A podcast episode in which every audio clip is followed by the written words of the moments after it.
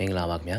ထောင်ဝင်စာတွေးခွင့်ပြန်လဲစတင်ဘသူမှအပြစ်ပေးရေးယူခံရခြင်းမရှိတဲ့အပြစ်မဲ့ရသားတပ်ဖြတ်ခံရမှုတွေမြင်ရတယ်မြန်မာနေခရိုနီကယ်အောက်တိုဘာ24မြင်ကွင်းမုံမခဆောင်းပါးကိုစတင်ဖတ်ကြားပေးပါတော့မယ်တေတံချမှတ်ခံရသူနဲ့တသက်တကြွချမှတ်ခံရသူကလွဲပြီးအကျဉ်းသားနဲ့အချုပ်ကျနေသူတွေကိုတလားတစ်ကြိမ်ထောင်ဝင်စာတွေးခွင့်ပြုဖို့အောက်တိုဘာ23ရက်နေ့နောက်ပိုင်းစစ်ကောင်စီအကျဉ်းထောင်တွေကခွင့်ပြုလိုက်ပါတယ်။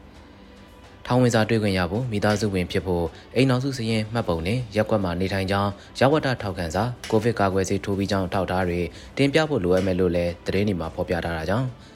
စစ်ကောင်စီအနေနဲ့ရက်ကွက်ကြီးရွာအုပ်ချုပ်ရေးနဲ့အခမ်းကဏ္ဍကိုအရေးပါလာအောင်လှုံ့ဆော်တဲ့ရည်ရွယ်ချက်နဲ့သတ်မှတ်ချက်ထည့်သွင်းထားတာလည်းဖြစ်ပါတယ်။ ရခင်တုန်းကအကျဉ်းထောင်တွေမှာအကျဉ်းကျနေသူတွေကိုတစ်လနှစ်ကြိမ်တွေးခွင့်ပြုခဲ့ပေမဲ့လည်းအခုအခါမှာတော့တစ်လတစ်ကြိမ်သာတွေးခွင့်ပြုဖို့ရှော့ချကန့်သက်ထားလိုက်ပြီးဒီလိုကန့်သက်ချက်တစ်ကြိမ်ထပ်ပို့တွေးခြင်းရင်အကျဉ်းထောင်ဝန်ထမ်းတွေလက်ငွေထိုးပြီးတွေးခွင့်ရဖို့ကြိုးစားတာတွေဖြစ်လာမဲ့အနေအထားလည်းရှိတာဖြစ်ပါတယ်။ထောင်ဝင်စာတွေးခွင့်ပြုမယ်ဆိုတဲ့သတင်းထွက်ပေါ်မလာခင်အကျဉ်းထောင်နဲ့ပေးပို့နေတဲ့အစားအသောက်ထောင်ဝင်စာပမာဏကိုရှော့ချတဲ့သတင်းကကနအူးထွက်ပေါ်လာခဲ့ပြီးဇက်တိုက်ဆိုသလိုထောင်ဝင်စာတွေးခွင့်ပြန်ပြုမယ်ဆိုတဲ့သတင်းတွေထွက်ပေါ်လာတာပဲဖြစ်ပါတယ်။ ထောင်ဝင်စာတွေ့ခွင့်ပြုလိုက်ခြင်းဟာပြည်ထရေးဝင်ကြီးအပြောင်းလဲဖြစ်ခြင်းနဲ့ဆက်ဆက်မှုရှိမရှိတော့မသိနိုင်ပေမဲ့လည်းစစ်ကောင်စီအနေနဲ့အခြေအနေတွေပုံမှန်ပြန်ဖြစ်နေပြီဆိုတဲ့ပုံရိပ်မျိုးပြသဖို့အတွက်အခုလိုထောင်ဝင်စာတွေ့ခွင့်ပြန်ပြုတာလည်းဖြစ်နိုင်ပါတယ်။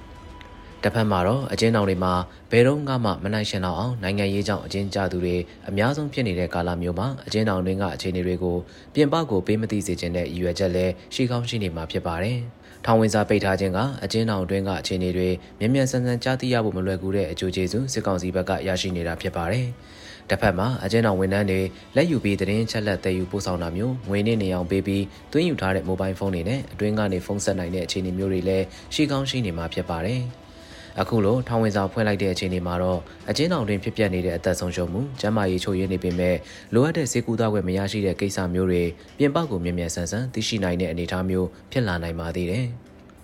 ဒီနေ့ဖို့အခြားသောသတင်းအကြောင်းအရာတွေကသတင်းတစ်ပုဒ်ကိုကောက်နှုတ်ပြရရင်ဒီကြိုက်မျိုးအဝင်မှာဆိုင်ကယ်စီးလာတဲ့မျိုးသမီးနှစ်ဦးကိုရက်ခိုင်းရမှာရက်မပေးတာကြောင့်စစ်ကောင်စီတပ်သားတွေကပြစ်ခတ်ခဲ့တာကြောင့်နှစ်ဦးစလုံးအသက်သေဆုံးခဲ့ကြတဲ့သတင်းဖြစ်ပါတယ်။ အသက်20ကျော်အရွယ်ကုံစုံဆိုင်ပိုင်ရှင်မျိုးသမီးနဲ့ဆိုင်ကူမျိုးသမီးတို့စီးနင်းလာတဲ့ဆိုင်ကယ်ကိုစစ်ကောင်စီကရပ်တန့်ဖို့အော်ဟစ်တားဆီးခဲ့ရမှာရပ်မပေးလို့ဆိုတဲ့အကြောင်းပြချက်နဲ့တနက်နဲ့ပြစ်ခတ်ခဲ့ရမှာနှစ်ဦးစလုံးအသက်သေဆုံးခဲ့ကြရတယ်လို့သတင်းထဲမှာဖော်ပြထားတာတွေ့ရပါတယ်။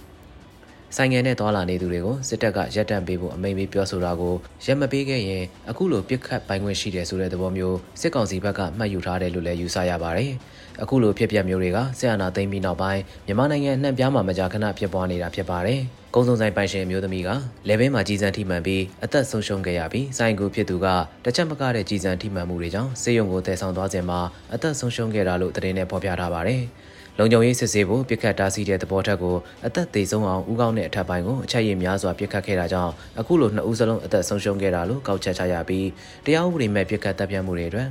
ဘယ်လုံခြုံရေးတပ်ဖွဲ့ဝင်တဦးတယောက်မှအရေးယူခံရခြင်းမရှိတဲ့အနေအထားလည်းဖြစ်ပါတယ်။ဒီအခြေအနေတွေကစစ်ကောင်စီတပ်ဟာနိုင်ငံကိုတရားဥပဒေနဲ့အုပ်ချုပ်တာမဟုတ်ဘဲလက်နက်နဲ့အုပ်ချုပ်နေတာသာဖြစ်ကြောင်းထင်ရှားပါတယ်။လက်နက်ကင်ခုခံတိုက်ခိုက်မှုတွေကိုနှိမ်နင်းရမှာဘလို့မှရင်ပြစ်ခတ်မှုတပ်ဖြတ်မှုတွေအတွက်မှာတာဝန်ခံစရာမလိုတဲ့သဘောလည်းဖြစ်ပါတယ်။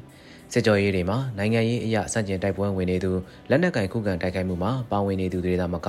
နိုင်ငံရေးလုံးလုံးမပတ်သက်တဲ့အရက်သားတွေပါနှိပ်စက်ညှဉ်းပန်းပြီးအသက်ဆုံးရှုံးမှုတွေကရာဂဏန်းမကထောင်ကဏန်းထိရောက်ရှိနေပေမဲ့ဒီလိုရာဇဝတ်မှုတွေအတွက်စစ်ကောင်စီရဲ့တပ်ဖွဲ့ဝင်တွေကဘယ်သူတဦးတယောက်မှအရေးယူခံရတာမျိုးမရှိပါဘူးလူခွင့်ရေးချိုးဖောက်မှုတွေစစ်ရာဇဝတ်မှုတွေကိုနိုင်စဉ်ဖြစ်ပျက်နေကြအဖြစ်ပြတဲ့တဲ့ပွဲကျူးလွန်နေကြတာဖြစ်ပြီးစစ်အာဏာသိမ်းပြီးနှစ်နှစ်ခွဲကျော်ကာလအတွင်းမှာ အရက်သားအသက်ဆုံးရှုံးရသူရာဂဏန်းမကထောင်ကဏန်းထိရောက်ရှိနေတာလည်းဖြစ်ပါတော့တယ်ခင်ဗျာ။